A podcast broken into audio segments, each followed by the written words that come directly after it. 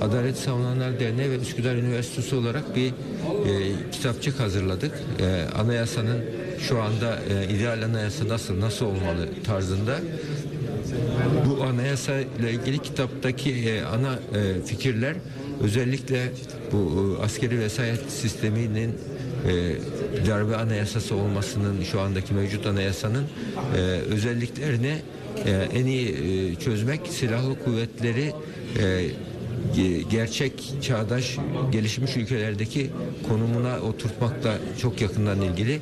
Yani genel kurmay tasavvurunu doğru yapmakla ilgili.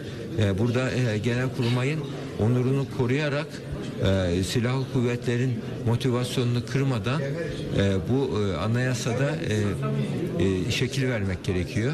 Ve bu, bununla ilgili e, e, anayasada e, genel kurmayın konumu, Milli Savunma Bakanı'na bağlanıp bağlanmaması gibi birçok konuda e, e, anayasa kitapçığında görüşlerimizi ele aldık.